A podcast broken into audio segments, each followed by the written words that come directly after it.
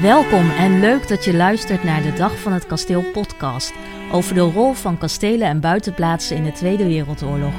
Mijn naam is Chrissy Floor en ik neem je mee naar de gebeurtenissen die in de jaren 1940 tot 1945 en daarna plaatsvonden op kastelen en buitenplaatsen. Havezade de Oldenhof in de kop van Overijssel werd tijdens de oorlog bewoond door de zusters Jeannette en Isabelle Sloet van Marksveld. Dit is geen verhaal van pracht en praal of romantiek. Historicus Martin van der Linden van Stichting IJsselacademie vertelt in deze podcast hoe deze moedige dames onder andere onderduikers hulp boden. We gaan het nu dus hebben over de Oldenhof. En uh, daar is van alles gebeurd. Dus ik ben benieuwd. Uh... Ja, nee, dat klopt. Er is uh, zeker van alles gebeurd op de, op de Oldenhof. Ik, ik zat er nog even naar te kijken. En als je dan al reizen soort tijdlijn maakt van de Tweede, van de tweede Wereldoorlog, dan uh, ja, is er toch uh, nodige zaken zijn er gebeurd op, uh, op Dolmenhof, ja. Ja, want misschien is het goed om te beginnen bij de, de Freules. Ja. En, en misschien ook goed om uit te leggen van, ja, wat is dat precies, een, een freule? Ja, nou, een freule, dat zijn zeg maar vrijgezelle adellijke dames, hè, die, die nou, in, het geval van Oldenhof waren dat Isabella Sloet en haar zus uh, Jeanette Sloet, die, uh, die samen op, uh, op de Oldenhof woonden. En de Oldenhof was eigenlijk een ja, 17e eeuwse havenzaten um, in de buurt van Vollenhoven. gebouwd door de familie Sloet. Ook in andere handen geweest. Maar in de 19e eeuw kwam weer opnieuw in handen van de familie Sloet. En ehm, ehm, toen, nou ja, tijdens de oorlog woonden de vrijgezelle zussen, die woonden daar, daar op de Oldenhof. En ja, uiteindelijk Isabella, die was uh, op dat moment uh, was in de 60 jaar oud tijdens de oorlog. En haar zus was iets ouder. En uh, haar zus is kort na de oorlog overleden. En Isabella, die is pas in 1973 overleden. Die is 99 jaar oud geworden. Dus een hele oude dame is dat eigenlijk geworden. Ja, inderdaad. En hoe brachten de twee dames dan de oorlogsdagen door op de Oldenhof? Ja, nou, um, Kijk, er is het nodige gebeurd op de Oldenhof, maar hoe zij nou precies de dagen doorbrachten, dat weten we in de zin niet, want zij hebben zelf uh, uh, nou, eigenlijk geen uh, documenten of geschriften daarover nagelaten. Um, we hebben wel eens contact gehad met, met nou, nog wat nazaten van de familie Sloot, ook nou familieleden die, die na de oorlog daar zijn komen wonen. En die kunnen zich nog wel herinneren dat ze Um, vroeger uh, op bezoek gingen, als kleine kinderen op, op bezoek gingen bij hun tantes op de Oldenhof, die daar woonden. En dat het eigenlijk heel ja, sober was en heel uh, stil, ook op de Oldenhof. Dat ze daar heel uh, rustig leefden. Um, ja, de, in, in principe gebeurde er niet zoveel. Het was, ehm, er was ook bijvoorbeeld geen elektriciteit nog op de Oldenhof. als ze drinkwater nodig hadden, dan moesten ze dat halen op de naastgelegen boerderij. Dus het was eigenlijk nog een, ja, een beetje primitief en heel sober. En over welke periode spreken we dan nu? Uh, dan praat je over de jaren 30, jaren 40 ongeveer, uh, uh, waar uit die herinneringen stammen. Um, ja. In, in de jaren 90 is Klaar Sloet is komen wonen op de Oldenhof. En nou, zij is dan vroeger op bezoek geweest bij haar tantes. En haar vader, um, die eh, heeft tijdens de oorlog ook ondergedoken gezeten, nog een poosje op de Oldenhof. En die heeft daar nog geholpen om een soort van primitief elektriciteitsnetwerk aan te leggen. Dus, maar dat was eigenlijk de eerste vorm van ele elektriciteit op de Oldenhof. Want uh, over onderduikers gesproken, want was hij dan de enige persoon die daar uh, onderdak kreeg? Uh, nee, hij was niet de enige persoon. Um, ik denk dat hij daar heeft, ik weet ook niet precies hoe lang hij daar heeft gezeten. Uh, ik denk dat hij daar zat om te ontkomen aan de arbeidsinzet. Uh, hij was echt in de leeftijd dat hij opgeroepen werd om uh, naar Duitsland te werken. Dus ik denk dat hij zich daarom verschuilde daar. Um, maar, maar er zijn meer onderduikers geweest op de Oldenhof. Volgens mij is het toch zo dat die twee freules onderduikers huisvesten op de Oldenhof. Klopt dat? Ja, dat klopt. Um, nou, het is niet zo dat ze gedurende de hele oorlog uh, onderduikers hebben gehad. Maar als, op het moment dat het nodig was, hebben ze uh, nou ja, onderdak verleend. Um, en eigenlijk de, ja, de langste periode was um, eigenlijk aan het einde van de oorlog. Dat was in januari 1945 was er in de buurt een Amerikaans vliegtuig neergekomen. En de, ja, de vliegers daarvan die zijn helemaal van Osterzeil naar Sint-Jansklooster toegelopen. Om, zeg maar, die, die maakt zich uit de voeten vanuit een vliegtuig. En toen zijn ze in Sint-Jansklooster door het verzet nou ja, op de Oldenhof ondergebracht. En toen hebben ze daar ja, twee weken bij de Fruiles hebben ze gezeten in een kamer op de eerste verdieping. Met, met ja, een, een dubbel plafond waar ze dan konden schuilen als het nodig was. Er was ook afgesproken dat als, als er onraad was, dat Isabella een Frans liedje zou zingen als ze in de, op de trappen liep. Zodat ja, de onderduikers wisten dat ze zich moesten verschuilen. En dat is ook een keer gebeurd. Er is een keer een Duitse huiszoeking is daar geweest. Maar dat is gelukkig allemaal goed gegaan. Die piloten die, die zijn toen niet ontdekt. En die zijn na die twee weken weer naar een andere onderduikplaats overgebracht. Ehm, eh, waar ze tot het einde van de oorlog hebben gezeten. Maar hoe zat het dan? Hadden ze dan een lijntje met het verzet? Um, nou ja, er waren in uh, Volhoven en sint waren eigenlijk twee verzetsgroepen actief. En uh, nou, uh, inderdaad, er was wel een bepaald lijntje met, uh, met die verzetsgroepen. Tenminste, die, die verzetsgroepen die wisten dat als ze nou ja, iemand moesten laten onderduiken, dat ze in ieder geval tijdelijk even op de Oldenhof terecht konden. Ehm, er zijn eh, eh, eerder in de oorlog eh, zijn er ook wel parachutisten die in de buurt van de Oldenhof neergekomen zijn. Waarvan we ook denken dat die nou ja, voor een kortere periode op de Oldenhof ondergedoken hebben gezeten. Ehm, er waren in de buurt ook Russische militairen. we weten eigenlijk niet precies hoe die hier terecht zijn gekomen. Maar die zijn ontsnapt vanuit een Duits krijgsgevangenkamp net over de grens. Maar die zijn ook in de buurt van de Oldenhof opgepikt. En, en nou ja, door het verzet dan ook naar een schuilplaats gebracht. En, en later weer naar een andere schuilplaats. Maar toch voor tijdelijke onderkomens uh, konden ze bij de Oldenhof terecht, konden ze bij de Freules terecht. Dat is wel een bijzonder aspect van, van de tijdlijn. Maar je zei er is nog veel meer gebeurd. Is in, de, in 1943 is bijvoorbeeld al een, een Duits vliegtuig neergestort in de slotgracht van de Oldenhof. Uh, uh, Duitse jager, Messerschmitt, die was op die dag uh, in de luchtgevecht met een aantal Amerikaanse jagers, nou ja, hoog in de lucht. En eigenlijk, kijk, op de grond zou je zeggen, heeft in de kop van Overijssel, in de, in de omgeving van Vollenhoven, is er bijna geen strijd geweest. Maar die strijd die speelde zich wel af hoog boven de lucht. Ehm, eh, elke, dag gingen de, eh, elke dag en elke nacht gingen geallieerde bommenwerpers naar Duitsland toe. En die vlogen dan over Nederland en ook over Vollenhoven. Um, ja, en die werden onderschept door die Duitse jagers. En in een luchtgevecht is zo'n Messerschmitt is toen ja, in brand geschoten. En die is in de slotgracht van de Oldenhof is hij neergestort. Um, ik heb nog een 13-jarige jongen gesproken. Tenminste, die was toen in de oorlog 13 jaar. Is nu een oude meneer die kan zich nog goed herinneren, want die woonde in de boerderij tegenover de Oldenhof. En die stond, uh, die stond toevallig buiten toen dat vliegtuig neerkwam. Die heeft hem voor zijn neus in die gracht uh, zien storten. En uh, dat nou, gaf een enorme klap. Ehm, er was, ehm, dat vliegtuig zat zo, zo diep in de grond dat de Duitsers hem daar hebben laten zitten. En pas in de jaren tachtig is daar een, een ja, soort van opgraving geweest. En toen zijn de resten van dat vliegtuig gevonden. En ook de resten van de piloot. Eh, die zijn toen gevonden en die kon toen ook geïdentificeerd worden. Dus pas in de eh, jaren tachtig was dat? Ja, dat was pas in de jaren tachtig. Dus al die tijd was het een soort van uh, onbekend graf?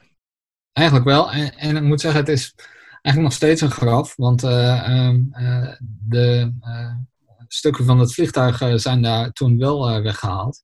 Maar de resten van de piloot zijn weer teruggestopt. Dus die zitten nog steeds in de, in de grond daar. En, uh, dus eigenlijk is het nog een oorlogsgraf uh, daar in de slotgracht uh, van de oorlog. Ja.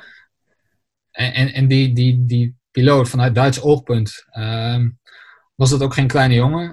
hij had al 93 of 94 geallieerde vliegtuigen neergehaald. Dus hij heeft een keer de koffer gezien van de Der Adler. Dat is een Duits ja, propagandatijdschrift. Daar stond ik even op. Dus het is ook bekend wie dat is. En er is ook wel contact met, uh, met de nabestaanden van, uh, van die vlieger. Uh, en die weet ook dat hij daar nog steeds ligt. Zijn ze wel eens op bezoek geweest op de Onderhof? Um, ze zijn een half jaar na de, na de opgraving zijn ze daar een keer geweest. En toen hebben ze het, naar de plek bezocht waar hij neer is gekomen. Um, er is op dit moment eigenlijk niks, niks van te zien. kijk, een aantal mensen weten waar het is. Ik, mij is dat ook verteld. Um, er is op dit moment nou, geen bordje of iets dergelijks waarin die plek gemarkeerd wordt. Dat is misschien nog wel aardig om een keer, nou in ieder geval daar op te hangen aan een boom of iets dergelijks. Omdat in ieder geval duidelijk is dat mensen die over het landgoed wandelen, dat die ook weten wat daar gebeurd is. Ja, nou ja, als ik daar een keertje rondloop, dan uh, kijk ik voortaan met hele andere ogen natuurlijk uh, naar die plek. Maar ja, volgens mij uh, gebeurde er nog veel meer. Ja, um, kijk, de Oldenhof, dat was ook een soort van uitvalsbasis voor de razzia in de Noordoostpolder. Um, die vond plaats van 17 tot 19 november 1944. En in de Noordoostpolder, daar um, werkten heel veel jonge mannen. Um, eigenlijk deden ze dat ook om te ontkomen aan tewerkstelling in Duitsland. En de Duitsers die lieten dat eigenlijk ook toe, vanwege nou het grote belang van de voedselvoorziening in de Noordoostpolder. Um, dus het was een, een geliefde onderduikersplaats, Noordoostpolder. Dan kreeg de afkorting NLP, werd ook Nederlands onderduikersparadijs. Um, en in, eigenlijk gaandeweg de oorlog, in 1944, vonden er steeds meer verzetsactiviteiten ook plaats, ook in die polder. Er vonden wapendroppings plaats. En ehm, eh, de Duitsers hadden toch uiteindelijk aan het einde van de oorlog ook steeds meer arbeiders in Duitsland nodig. Dus toen kwam die razzia uh, in de Noordoostpolder. En toen, eh, die werd persoonlijk geleid door Hans Albin Rauter, de hoogste SS-baas in Nederland. En die heeft dat eigenlijk die actie uitgevoerd vanuit de Oldenhof. Ehm, die, die paar dagen logeerde hij daar. en met ook een heel aantal Duitse militairen. Die sliepen daar op de Oldenhof in het huis, in de boerderij daarnaast. En nou, die, die hebben ook achtergelaten toen ze weer klaar waren. Uh, en nou ja, een van de bewoners van die boerderij, Harm Haasjes, die hebben daar ook over gesproken. En die kan zich dat nog heel goed herinneren dat Rauter daar binnenkwam. Dat was een, echt een imposante man met een grote litteken op zijn hoofd. Uh, ja, zijn, zijn moeder moest snet voor hem koken. En, maar dat waren, nou, hing een beetje een nare sfeer. Dat kan hij zich nog heel goed herinneren. Dus dat is wel een bijzonder verhaal eigenlijk. En in hoeverre was dan de razzia ook succesvol? Of vanuit Duits perspectief? Um, vanuit Duits perspectief eigenlijk heel succesvol. Want um, um, eigenlijk had niemand het zien, aanzien komen. Uh, men was eigenlijk compleet verrast dat, uh, dat in de ochtend van die 17 november dat de hele polder was afgesloten. Dus er zijn wel iets van uh, eh, 1800 mannen of zo zijn, zijn toen opgepakt. Die werden allemaal verzameld in schoolgebouwen in, in Vollenhoven. en een dag later, na, na één nacht in zo'n schoolgebouw, moesten ze in een lange stoet lopen naar Zwartsluis en naar Meppel. En die, nou, die stoet die, die, de toenmalige weg die liep ook langs de Oldenhof. Dus toen is die hele stoet ook langs de Oldenhof gekomen. Nou ja, als je nu daar staat te kijken, dan, dan moet het een treurig schouwspel zijn geweest wat toen, toen voorbij trok, denk ik. Ja, maar het was dus echt een complete verrassing. Dus zaten die Freules daar toen ook nog? Ja, de Freules zaten toen ook in, nou ja, die woonden daar toen ook nog gewoon in huis. En ja, die moesten een heel aantal kamers moesten ze afstaan. En volgens mij hebben ze uiteindelijk zelf één klein kamertje overgehouden waar ze die dagen dan hebben gehuseerd. Maar de rest van het huis was eigenlijk bezet door, door Duitse soldaten. Die daar nou, moesten overnachten. Of Duitse soldaten. Er, waren, er zijn ook wel Nederlanders, heel veel Nederlanders ingezet hoor, bij die razzia. Collaborateurs, Nederlandse SS'ers. maar die, die waren daar allemaal. dus nou ja, dan moet je nagaan wat voor hoe, hoe, dat is voor van die dames, dat ineens Duitse militairen daar zijn. Het lijkt me beangstigende momenten. Nou, er zijn bij de Rassia dus een heel aantal nou, van die jonge mannen opgepakt. En ehm, ehm, die, die werden dan, moesten vanuit de polder, moesten ze lopend naar, eerst naar Vollenhoven toe, over de brug. En toen werden ze een nacht in een school ondergebracht. Nou, die scholen waren daar ook helemaal niet op berekend, zoveel, zoveel mannen in één keer. Eh, dus dat waren ook eh, hele nou ja, taferelen, zeg maar. Ehm, en vanuit Volhoven moesten ze toen verder lopen naar Zwartsluis en naar Meppel, waar ze dan op de trein gezet werden. Maar gaandeweg die tocht, alle in Volhoven eigenlijk, maar ook met name toen ze door Zwartsluis liepen, um, toen zitten mensen hun voordeur open, uh, zodat sommige mannen nog weg konden glippen, zeg maar. Zodat ze snel een huis in konden glippen. Um, veel bewoners die, gaan, die stopten ze nog wat eten toe ik heb zelf ook iemand uh, nog gesproken die uh, woonde vorig jaar in Zwolle. Helaas is hij laatst overleden. Maar die, die was ook opgepakt bij de razzia. En die heeft uiteindelijk bij Groningen wist hij nog van de trein af te springen. En zo naar zijn huis in Friesland te lopen. Maar ja, zo is hij toch aan het werkstelling in Duitsland ontkomen. En, en de mannen die, wel, die dat niet was gelukt en die wel in Duitsland terechtkwamen, nou, die werden ingezet bij allerlei graafwerkzaamheden voor, voor tankgrachten en schuttersputjes. Maar er zijn ook wel gevallen bekend van ehm, mannen die verplicht in het Duitse leger moesten dienen. En die op een kanon achter op een trein werden gezet om te voorkomen dat die treinen aangevallen werden door geallieerde vliegtuigen. Nou ja, dat moesten ze allemaal tegen hun wil doen. en dat, ja, dan kom je in hele gevaarlijke situaties terecht. Dus ja, als je dan wist te ontsnappen bij die razzia, dan had je wel geluk gehad, zeg maar. Ja, hoe zagen dan de laatste oorlogsdagen eruit op de Oldenhof? Ja, Um, nou ja, hoe, ze er precies uitzagen, het was, ook, het was wel feest op de Oldenhof uh, in die zin. Uh, de, de, de, bevrijding was daar en uh, ja, de, de, de waren natuurlijk ook heel blij om. En met name ook ja, wat hun eigenlijk ook wel dreef, denk ik, om, om zich in te zetten. was dat de Freulens, de Freulens en de familie Sloet, die waren eigenlijk heel erg nauw verbonden met het Koningshuis. Eh, zowel Isabella eh, als haar zus Catharina, die waren hofdame geweest van Wilhelmina. Isabella had zelfs Juliana eh, opgevoed. En een nichtje van haar was zelfs particuliere secretaresse van Juliana. Dus er waren allerlei banden. Um, dat resulteerde na de oorlog in ook wel nou, bezoeken van Wilhelmina en Juliana, die ook echt op de Oldenhof daar zijn geweest. Um, maar nee, nee, nee, toen de oorlog dan voorbij was, was grote vreugde natuurlijk, ook op de Oldenhof. Dat dat voorbij was. Alleen die vreugde, nou, ik noemde de naam Haasjes al even net. Uh, die woonde op de boerderij tegenover, de Oldenhof. Uh, die werd eigenlijk een dag later uh, opgepakt omdat hij lid was uh, geweest, of sympathiserend lid was geweest van de, van de NSB. En nou ja, dat is eigenlijk wel raar, want hij had zich tijdens de hele oorlog gewoon goed gedragen. Hij was ook op de hoogte van de onderduikers die op de Oldenhof zaten. Maar eh, hij had ook nooit iets verraden of iets gedaan. Eh, dus het was eigenlijk, eh, die familie had ook helemaal niet verwacht dat hij opgepakt zou worden. Ehm, uiteindelijk heeft hij nog een half jaar vastgezeten. als straf voor zijn lidmaatschap van de NSB. Uiteindelijk bleek, na onderzoek heeft uitgewezen dat hij inderdaad lid was geweest van de NSB. Maar dat hij dat vooral nou ja, een soort van opportunistische reden had gedaan om te, een straf te ontlopen uh, die hij opgelegd had gekregen uh, voor het illegaal slachten van een koe of van een varken. Aan het begin van de oorlog, dat, dat mocht toen niet. Um, en hij was bang dat hij daarvoor naar kamp Vrucht gestuurd werd. En toen, uh, via, via een bevriende boer, heeft hem eigenlijk een soort van lid gemaakt van de, van de NSB. Maar uh, hij heeft zelf, tijdens de oorlog, heeft hij, nou ja, op, op de Oldenhof heeft hij ook goed geholpen met, met voedsel. Um, kijk, als er mensen waren, waren was er extra voedsel nodig. En zij hebben ook wel gezegd dat ja, er ging zoveel voedsel doorheen uh, op de Hollandhof, maar de freulens die bleven maar zo slank. Dus dat oh ja.